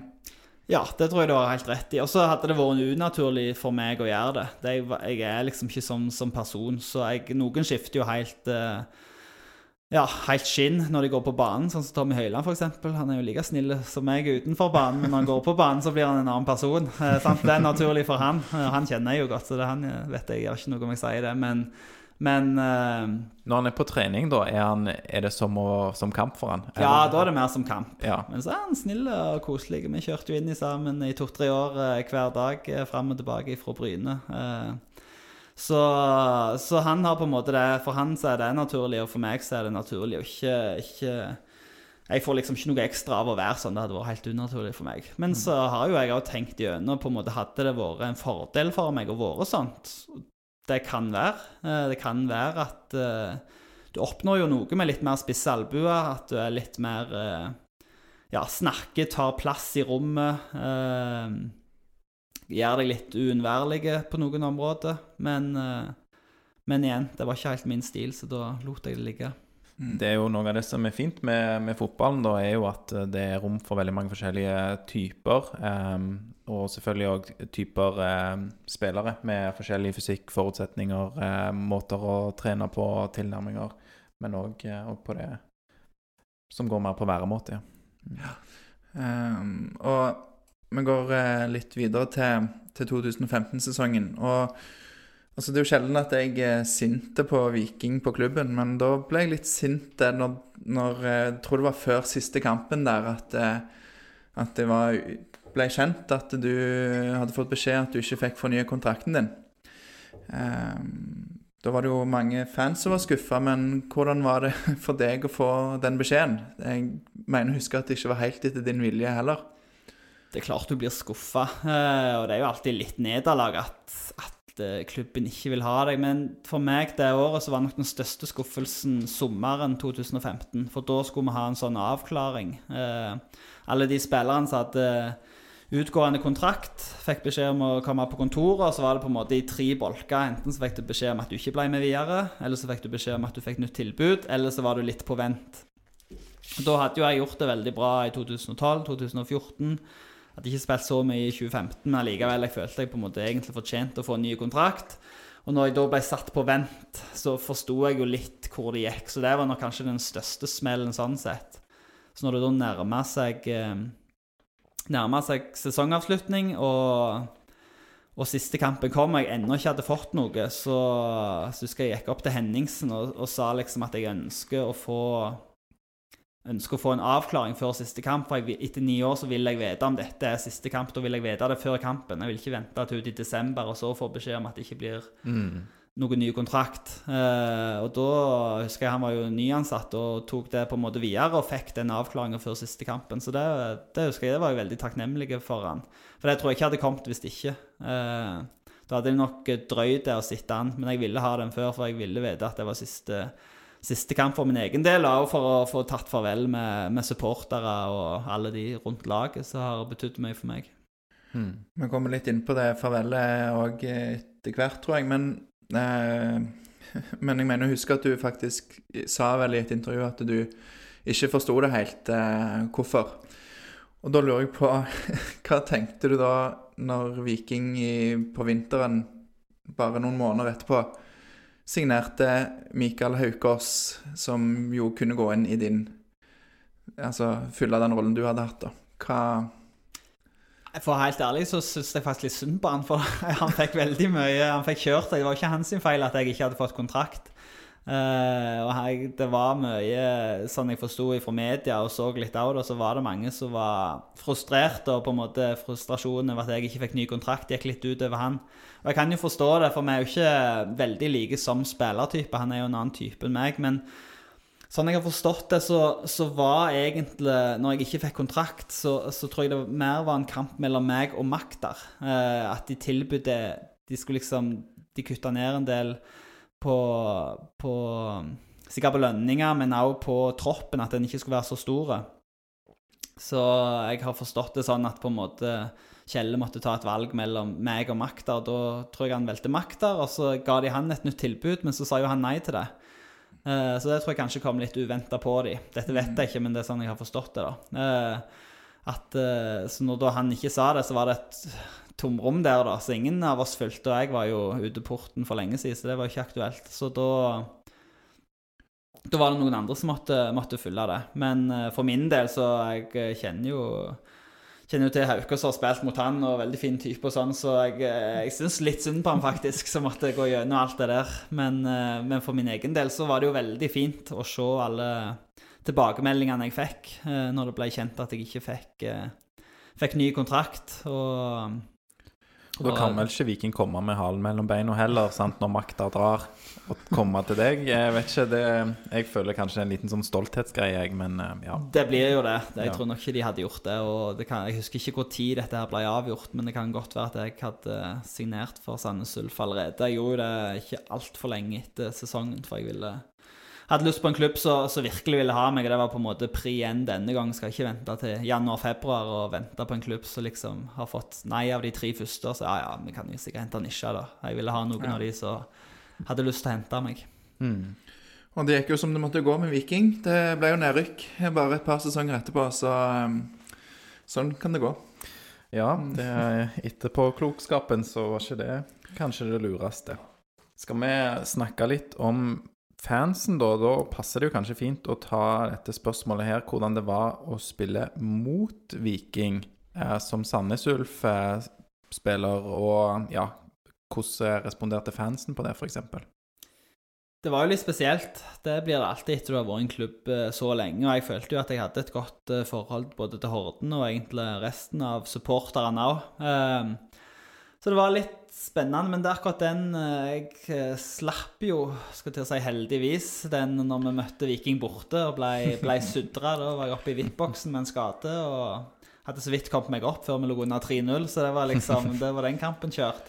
Men du, du jubla vel litt sånn inni deg? Nei, det var ikke så mye jubling. Det var en sånn Sandnes Ulf-boks, så det var Nei, det var, det var fæle greier. Men jeg tror vi virka som vi ble litt sjokka over at det var fullt uh, på stadion, og vi hadde Det var fullt på vei til stadion òg, så vi kom jo der i, i grevens tid og var så vidt vi fikk tid til å Eller de fikk tid til å skifte før vi kom oss opp. Så vi kom kraftig forsinka, husker jeg, fra spillerhotellet, selv om det var på Forus. Og vi skulle bare kjøre en liten tur, men jeg tror det tok 45 minutter fra midten av Forus til, til stadion pga. Uh, all køen. Så det var litt spesielt. Men uh, så møtte vi jo igjen i August. Ja, eh, på Sandnes stadion. Og da, da, gikk det jo litt bedre for vår del. Og da hadde jo jeg vært ute lenge med skade. Eh, så jeg husker det var noen som kritiserte meg litt i ettertid at jeg hadde jubla når vi skårte. Men, eh, men, jeg blir selvfølgelig glad når vi skårte. I tillegg så hadde jeg assisten.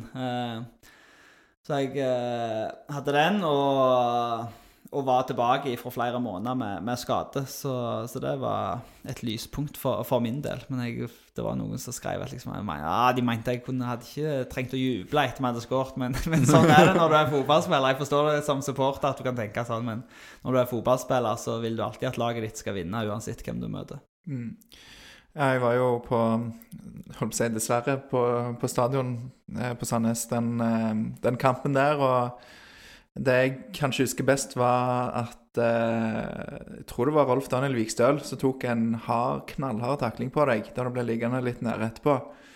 Og så tror jeg det var litt sånn eh, Kanskje ikke folk visste helt hvordan det skulle gjøre Jeg tror det var litt blanda i vikingfansen. Noen var litt sånn at de nesten jubla, mens noen ble litt sånn mer sinte på, på Vikstøl. Eller i hvert fall jeg ble det. Så jeg skjønner. Ja, ja, ja, jeg husker den taklingen der. Jeg fikk helt med meg hvem det var, så jeg husker jeg gikk rett bort til, til Sandnes Ulf-benken og spurte hvem var det hvem var det Og det tror jeg han fikk med seg sjøl. Jeg husker han var litt småredd der et par ganger. Jeg var i nærheten av han tidligere. Ikke ofte jeg tror han er det, men da, ja, da var det rett før jeg tok igjen. Men jeg kom liksom aldri tett nok til at det, at det ble noe av det. Men den var, den var stygg. Hvis jeg ikke hadde fått opp foten fem centimeter, så tror jeg den ankelen ennå hadde ligget igjen. Så det, det burde vært røde Rolf, men så ble det bare gule Rolf denne gangen. Det ble vel gult kort på han. Han får ikke så mye røde kort som det navnet faktisk eh, skulle til seg. Det har vel vist seg at det var mer sånn i tidlig karriere, var det ikke det? Jeg mener det. Som junior eller noe sånt. Jeg tror han har veldig få røde kort i forhold til hva vi tror. ja, så kanskje han eh, Vet ikke. Eh, det sørlandske Lunde redda han litt, eller et eller annet. I hvert fall mener du videre at han skulle hatt ett der, da. Så ja. Du sa litt om forholdet til fansen, at du følte det et godt forhold. Jeg vet ikke om du har noe mer du vil liksom jeg merker det spesielt når eh, jeg var ferdig, når det ble kjent, så så fikk jeg veldig mye tilbakemeldinger, eh, både på sosiale medier, men også meldinger, eh, telefoner. Det var folk som Ja, det var ekstremt med kommentarer under artikkelen på en måte når det sto at jeg var ferdig i klubben. og det var Ja, det husker jeg, det setter jeg veldig pris på. Jeg husker jeg var, For det var jo selvfølgelig litt emosjonelt etter så mange år, så jeg husker jeg var oppe i oppe i VIP-boksen eh, etter ei trening og venta på neste trening og leste gjennom alt dette her. Og da, da kom det noen tårer når jeg fikk lest, eh, lest alt det, snille som sto der. Eh, og det var jo ei som jeg kjenner, som sa det at om den perioden, liksom, at de fleste må vente til begravelsen før de får høre så mange fine ord. Og du fikk det allerede nå. Så, og det tror jeg det ligger noe i. Det var heldigvis eh, for min del da, så var det mange som, hadde satt pris på den, eh, den, jobben jeg hadde gjort. Mm. Mm. Det, det, kan jo i hvert fall vi skrive under på her, at, eh, det var. eh, og det er ikke bare vi, for vi har fått eh, litt lytterspørsmål på, på Twitter. og Vikinggutten 191 tror jeg det er som har sendt dette spørsmålet. Og jeg tar bare halen før jeg tar spørsmålet, for han skriver PS. Vidar var og er en legende i Viking. En kriger som ble en publikumsyndling. Så, eh, så, der har du det fra ikke bare oss, men uh, igjen fra noen på Twitter. Så um, det han egentlig spør om, er jo hvem av dagens vikingspillere syns du ligner mest på den du var i datidens vikinglag? Og hvorfor er det Torstein Bø? ja, det syns jeg er et bra spørsmål. Det, ja, det er jo han som jeg fort tenker på med en gang. da. Allsidige spiller. God til å, til å avslutte, god til å komme seg inn i boksen, eh, god til å time løp. Så jeg ser mye av de samme egenskapene som jeg hadde i han. Og i tillegg så er han jo litt sånn potet, sånn som jeg òg var. At du blir brukt der som treneren har brukt for deg. Er han bedre enn deg defensivt?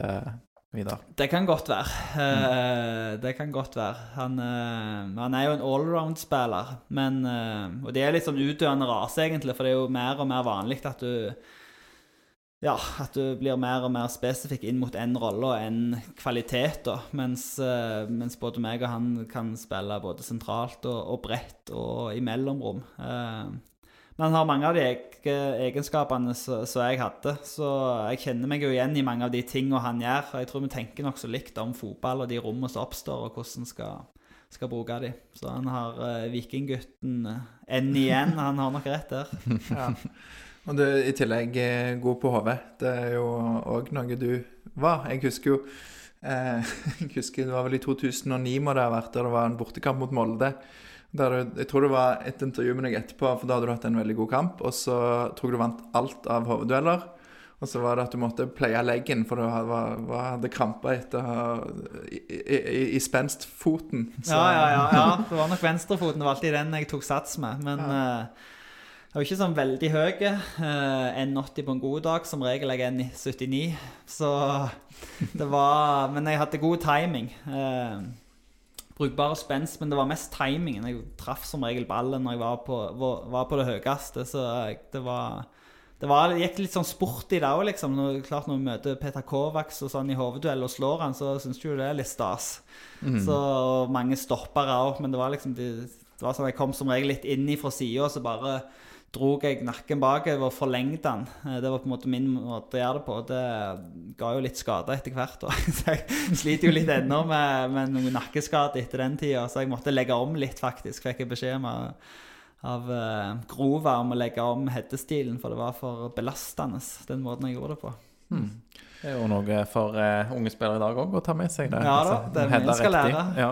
Og vi har fått, Apropos det å lære og headinger, så har vi fått fra en du spilte mye med, som vi òg har nevnt tidligere her, nemlig Thomas Pereira. Han forteller at du elsker å jobbe med headinger og volley etter treningene. Og, uh, du spur, uh, og så skriver han han spurte alltid om jeg kunne slå innlegg til han. Og der har han mye å lære de unge spillerne. Skal, bli, skal man bli god på noe, så må det trenes. Og der var han dedikert.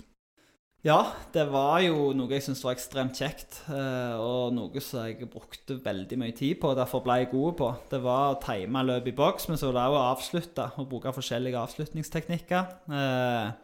Og ikke bare slenge ut en fot og se hvor ballen gikk, men det var nokså nøye gjennomtenkt. Når du kommer i den situasjonen, så, så kan du skyte opp i nærmeste eller nede i lengste. Og, og ikke minst den der timingen på å komme seg inn i boks og treffe ja, som regel så jeg tipper kanskje 70% av målene mine er sikkert på ett på første touchet, eh, og 20 på, på andre touchet, og svært få der jeg har tre eller flere touch. Så det var som regel avslutta på, på ett touch, så brukte mye tid både med Thomas, men også Håkon Skogseid og Berti når, når de spilte. Så hver lørdag hvis jeg var i startoppstillinga, som regel uansett, men iallfall hvis jeg var i startoppstillinga, så fikk jeg med meg en eller to backer, og så sto vi 15-20 minutter etter trening, og bare de fikk øvd på innlegg, og jeg fikk øvd på innløp i boks. Eh, så det, det brukte jeg veldig mye tid på. Vi fortsetter litt i eh, samme spor, og, og hva som kan eh, plukkes opp av de som er unge spillere i dag. For eh, Vetle Lund Rosnes, som er 17 år og bor eh, på Ørsta, han spør hvilke tips vil du gi unge spillere med et mål om å spille for Viking? Og du har jo kanskje det til felles da med Vetle at du, du er jo fra Vigrestad, en litt mindre plass, ikke sant? Så du vet ikke, hvorfor, fall ikke gått barndomsårene dine i Viking, da. Nei, altså først og fremst så er det jo å trene mye.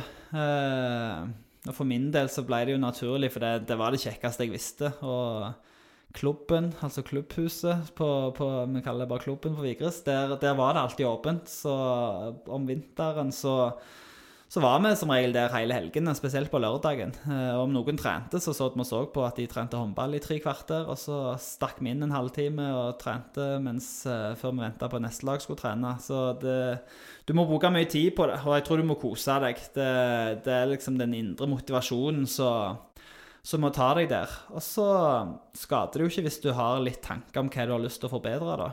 Eh, Det kan godt begynne, begynne tidlig, det å jobbe med ting som du er god på, men også ting som er vanskelig.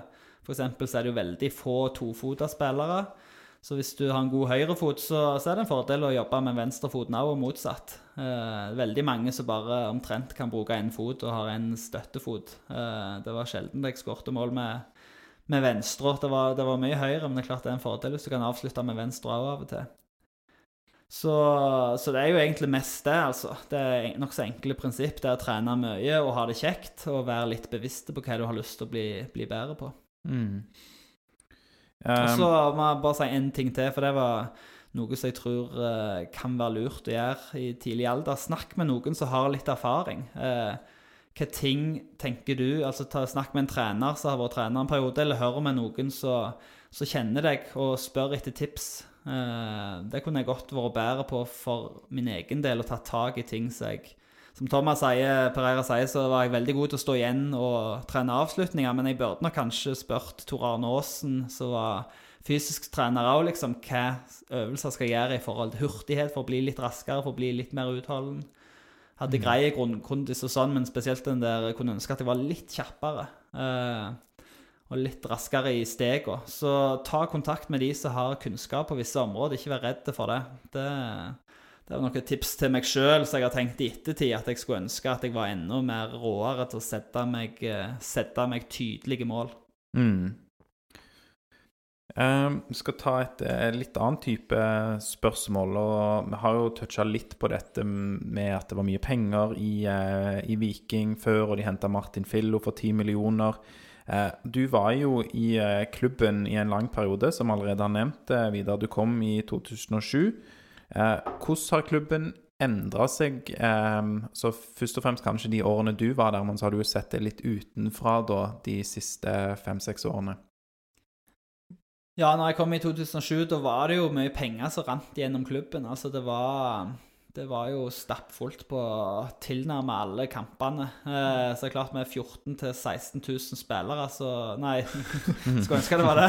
Supportere, så, så får du en del eh, flere millioner i, i klubbkassen. Eh, Det var, jo, det var jo kanskje norsk fotball sine gullår òg, med tanke på økonomi. Så Det var det, og det, det så du jo igjen på alle de spillerne som ble kjøpt. Eh, Det var jo flere spillere til både 5, 6 og 7 millioner. Martin Fillo til, til ti. Så, så det ble brukt mye penger da. Og så etter hvert så, så publikum roa seg litt, og ikke kom like mange på, på kampene og sånt. Og etter hvert så så, så en jo at troppen òg var altfor store. Altså, vi må jo ha sikkert vært nærmere 30 spillere en periode.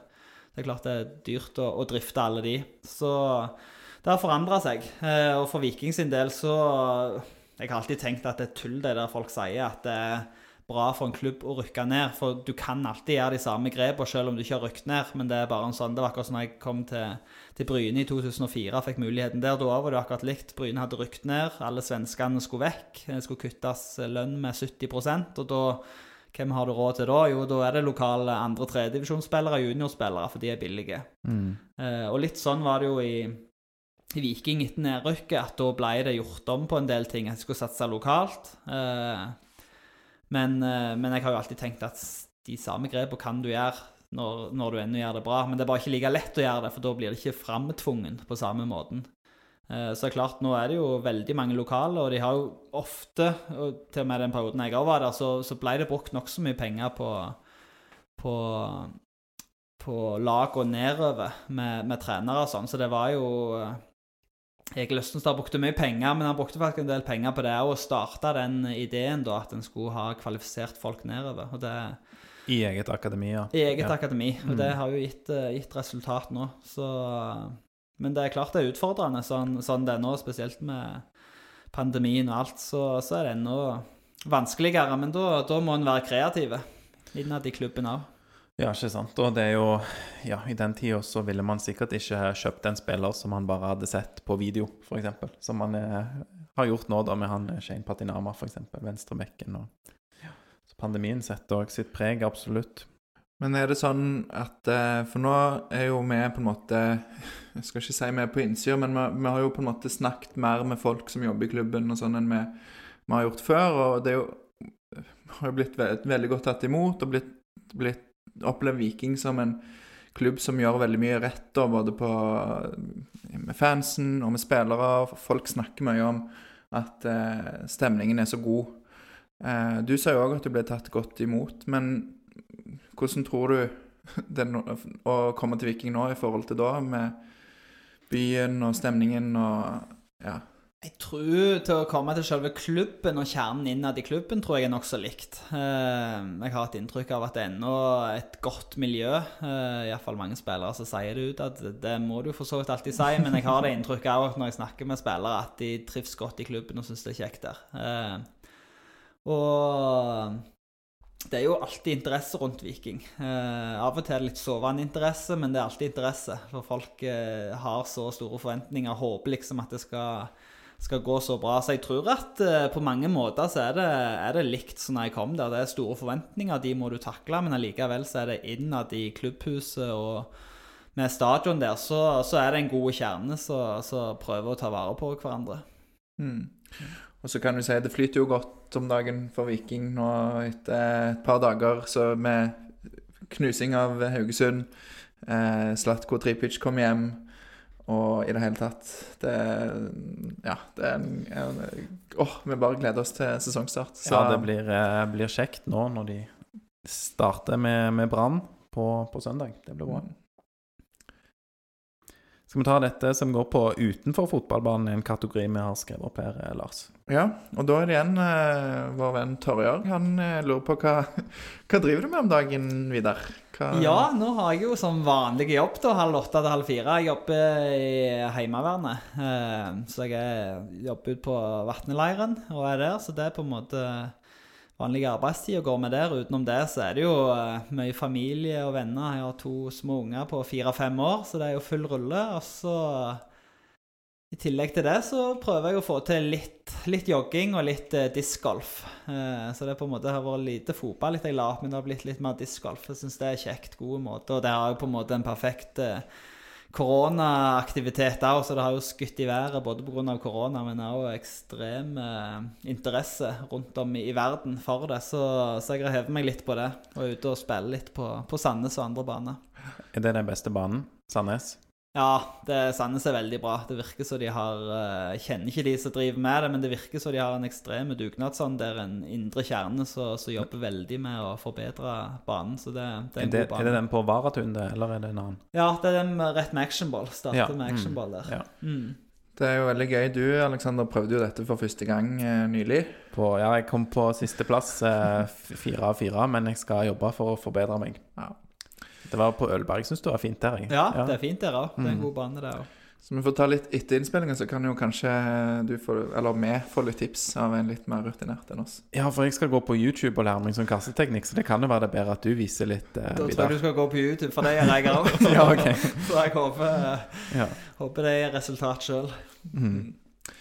Og eh, så kom vi litt inn på det som, eh, det som jeg sa at vi skulle touche innom med avskjeden din til Viking. Og, og veien inn der er et lytterspørsmål eh, som vi òg skal ta, fra Bjarte Friedrich Meling. Eh, han skriver at eh, han er jo kjent som en åpent kristen person. Hør med han om troen hans har hjulpet han på fotballbanen eller på privaten før. Du hadde jo en eh, et åpent brev som ble lagt ut på Viking sine sider når du, når du sa 'takk for deg', med referanse til, til Bibelen og, og, veldig tydelig hvor du, hvor du, står. Og det har jo ikke Altså, det har jo vært Jeg husker det var jo ganske åpent gjennom hele karrieren din at du, du var en kristen. Um, og hvordan, uh, hvordan har det hjulpet deg på fotballbanen eller på privaten? Jeg tror det har hjulpet meg i forhold til at jeg har hatt en base. Eh, jeg har følt at jeg har noe å gå tilbake til. At det ikke bare Jeg er ikke bare fotballvidder, liksom. Så hvis det går eh, dritt på banen og ikke får det til der, så, så har jeg en del andre ting å, å, spille på. Eh, og så tror jeg det er, det er litt Folk tenker ofte at det bare er liksom Hvorfor få spille og gjøre det kjekkeste du vil? liksom, Hvorfor springer de ikke mer, eller vil de ikke mer når det ikke går godt? liksom, Men, men det er mange, som alle andre liv så er det en del andre ting også som skal klaffe. Eh, for at du skal være litt i vater for at fotballdelen skal gå godt. Så det er klart hvis ting er vanskelig på hjemmebane, eller du har eh, folk rundt deg som er syke, så er det klart sånne ting òg påvirker jo. Mm. så, så, det er jo en ting som jeg syns er litt interessant. Da, at det er liksom mange ting som spiller inn. Det er ikke bare en fotballdel om det er godt, godt trent, men det er mange andre aspekter. Og der er jo for meg så er jo trua en av de tingene som har vært som en sånn søyle i livet som har vært der hele veien. da. Mm. Eh, en bevissthet ifra Ja, en mening med, med livet og eh, en plass å gå og et fellesskap der jeg kjenner at jeg har fått mye, og der jeg på en måte kan bare være videre og ikke fotballvidere. Jeg tror for jeg òg kjente det når jeg la opp, at selv om jeg på en måte har føler sjøl at jeg har alle de tingene på plass Altså, jeg har jo bodd i området her, har familie her, venner, eh, alle de tingene er på plass, som uh, så mange søyler du kan få, så var det litt sånn merkelig å gi seg, liksom. Og litt sånn Hvem er jeg nå? Hva skal jeg gjøre? Hva kan jeg utenom fotballen? Hva skal jeg eh, få til? Så jeg kan bare tenke meg hvordan de har det, de som spiller i Premier League og andre plasser, der, der du har vært center of attention hele livet, og så plutselig en dag så slokker lyset, og så må du finne ut hvem du er.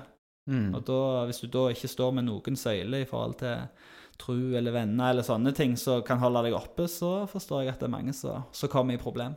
Mm.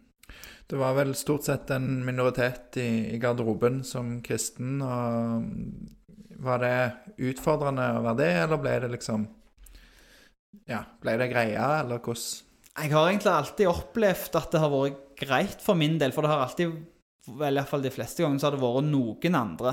Eh, så når jeg kom opp i Bryne, så var det Magnus Ueland og Jarle Mong og noen av de andre som var der. Og i Viking òg så var det jo Peter EJ og Ragnvald Soma. Eh, blant annet. Så, og i en fotballgarderobe, så det er jo noe av det jeg syns er kjekt med fotball. Da, at det gjenspeiler jo samfunnet. Altså der er det kristne, der er det muslimer, der er det ateister. altså Der er det folk som vet hva de skal tro, og folk som ikke aner hva de skal tro, og, og alt innimellom. Og det gir jo en sånn Du treffer folk som du kanskje ikke treffer til vanlig, da. For til vanlig så, så går vi jo i miljø og henger med kamerater og venninner som tenker noenlunde likt som oss. Det er sjelden du er med noen som er rake motsetningen, liksom, og henger med de hele veien. For du har samme interesser.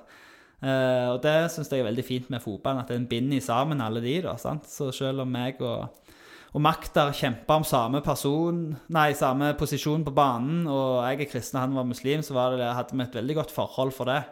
Eh, og prøvde å bygge hverandre opp liksom, når, når den andre skulle spille. Eh, så, så det er jo noe av det som jeg tenker samfunnet kan og kanskje bør lære av fotball og idrett. da, At det blir en sånn ting istedenfor å stå og skrike fra hver sin side. Så møtes vi i garderoben, og så finner du ut av det. Så åpnes det for diskusjoner og drøs. Mye tull og fanteri, men også litt sånn seriøst underveis.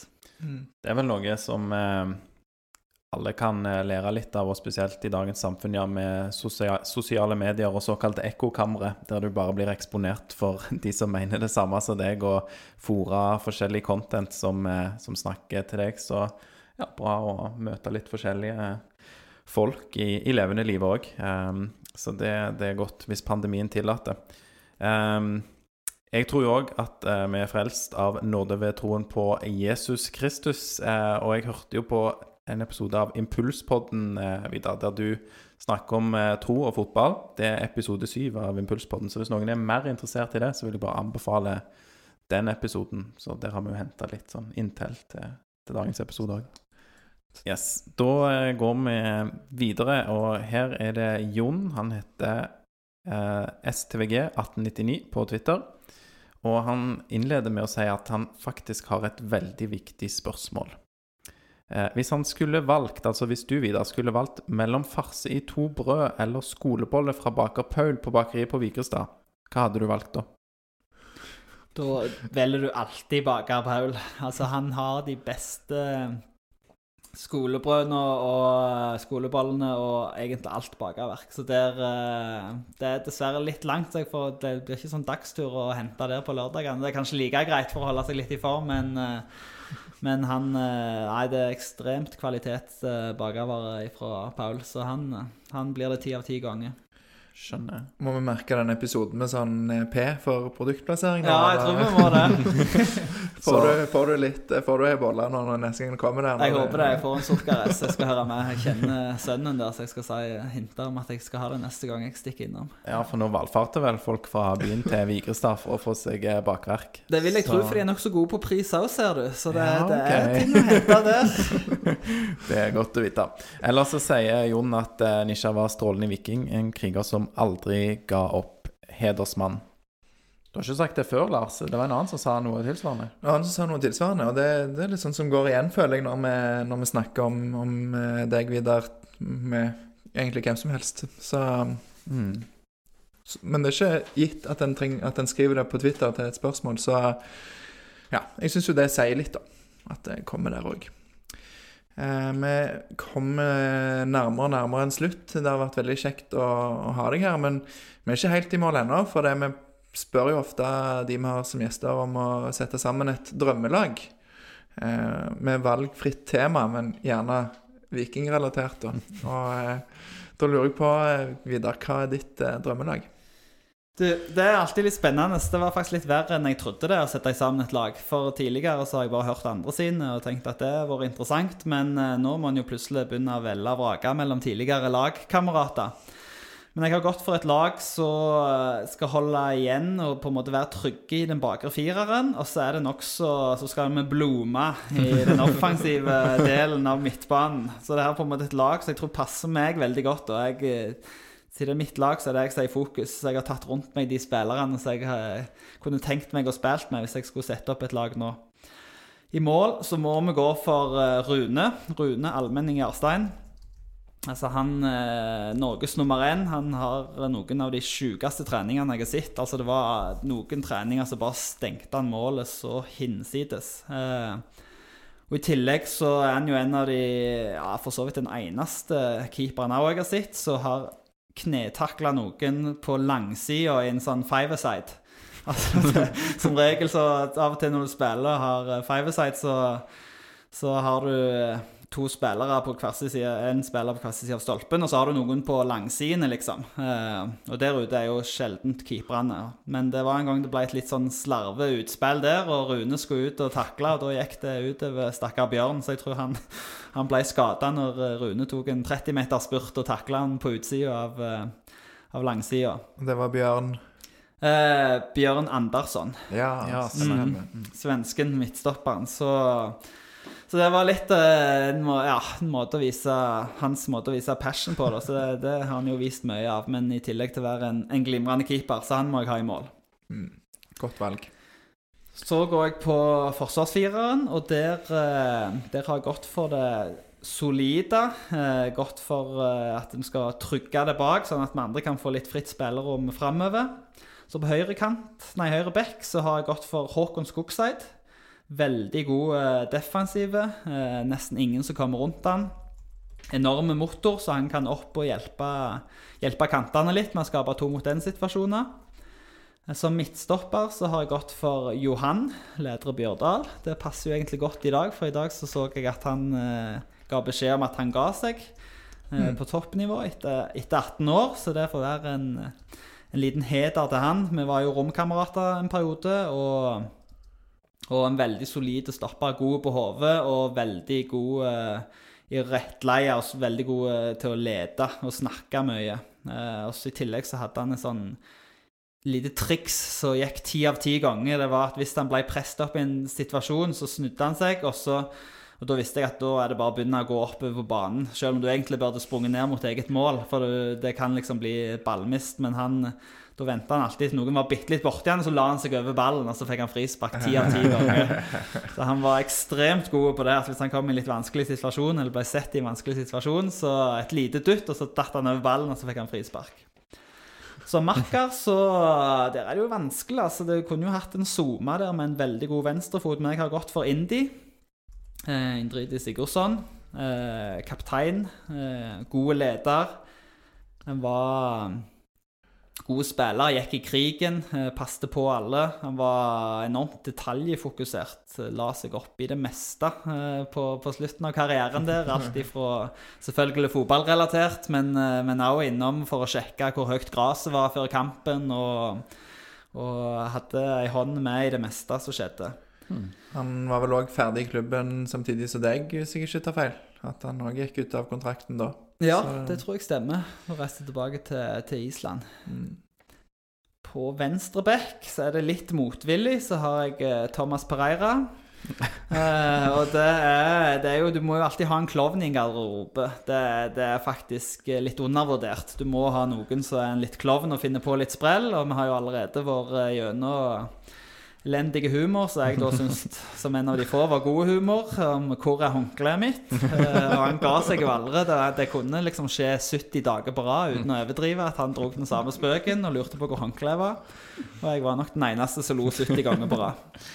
Og I tillegg så hadde han, eh, hadde han et sånn eh, lureinnkast i løpet av eh, Når han tok innkast lågt på banen, så snudde han seg alltid kjapt og lot som han kasta tilbake til keeper. Og ti av ti ganger så begynte spissen å springe to-tre meter før han innså at det så på gliset til Thomas at det var bare kødd, og så kasta han framover heller. Så det var sånn, så De som hadde spilt mot det en stund, de, de gadd ikke gå på den, men det var alltid noen som han ikke hadde møtt før, som gikk på det, det trikset der. Det har sikkert gått for selvtilliten til Thomas Pereira. Eh, vet ikke helt om han trenger, trenger det, men eh, Ja, jeg traff han faktisk når han skulle, på, skulle spille discgolf på Sandnes, og da hadde han nettopp operert. Så han så noe blopsen ut, da, syns jeg. Så det kan være han trenger en sånn liten, eh, En liten boost. oppmuntring. Og så går vi videre til midtbanen. Der er det òg trangt om plassen. Jeg har starta ute til venstre. Hadde mange gode venstrekanter, men jeg har gått for Alexander Ødegaard. Når jeg kom i 2007, så, så var jo han på, kanskje på sitt beste eh, og herja på venstrekanten. Og han var jo en spiller som jeg elsket å spille med, for jeg visste som høyrekant så visste jeg at når han fikk ballen og utfordra og kunne dra både en og to personer, så var det bare å finne seg en plass inn i boksen der det var rom. Så kom den ballen inn. Eh, så han, eh, han passer godt inn i min eh, måte å spille på, så han er med der. Til høyre så har jeg gjort litt utradisjonelt valg, så der har, jeg, eh, der har jeg tatt to stykk, for de skal spille en omgang hver. Så første omgang så får Janni spille. Jan Erik Landli.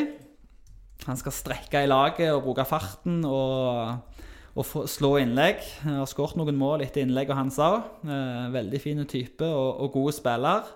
Så etter pause så kommer Samuel Adegbendro inn. Da er det mer kombinasjonsspill. Ennå raske, men han var ikke jeg vurderte å bare gå for han, men han var ikke like interessert i å slå legga. Og han ville mer innover, og være med å avslutte sjøl. Så, så da fikk de hver sin omgang, sånn jeg kunne bli fort en halv omgang og så en omgang. Og så kan eh, Samuel komme inn og trylle litt etter hvert. Bak meg, som ryddegutter, så måtte jeg jo gå for knoll og tott. Det blir Andy og Jone. André Danielsen. Jeg vurderte han lenge som høyreback, men jeg tenkte nei, jeg må ha han og, han og Jone sentralt som vaktbikkje og passe på meg jeg, eh, hvis jeg skulle være uheldig og miste ballen. Lite sannsynlig, men det skjedde jo av og til, så da må, må Andy og Jone være der.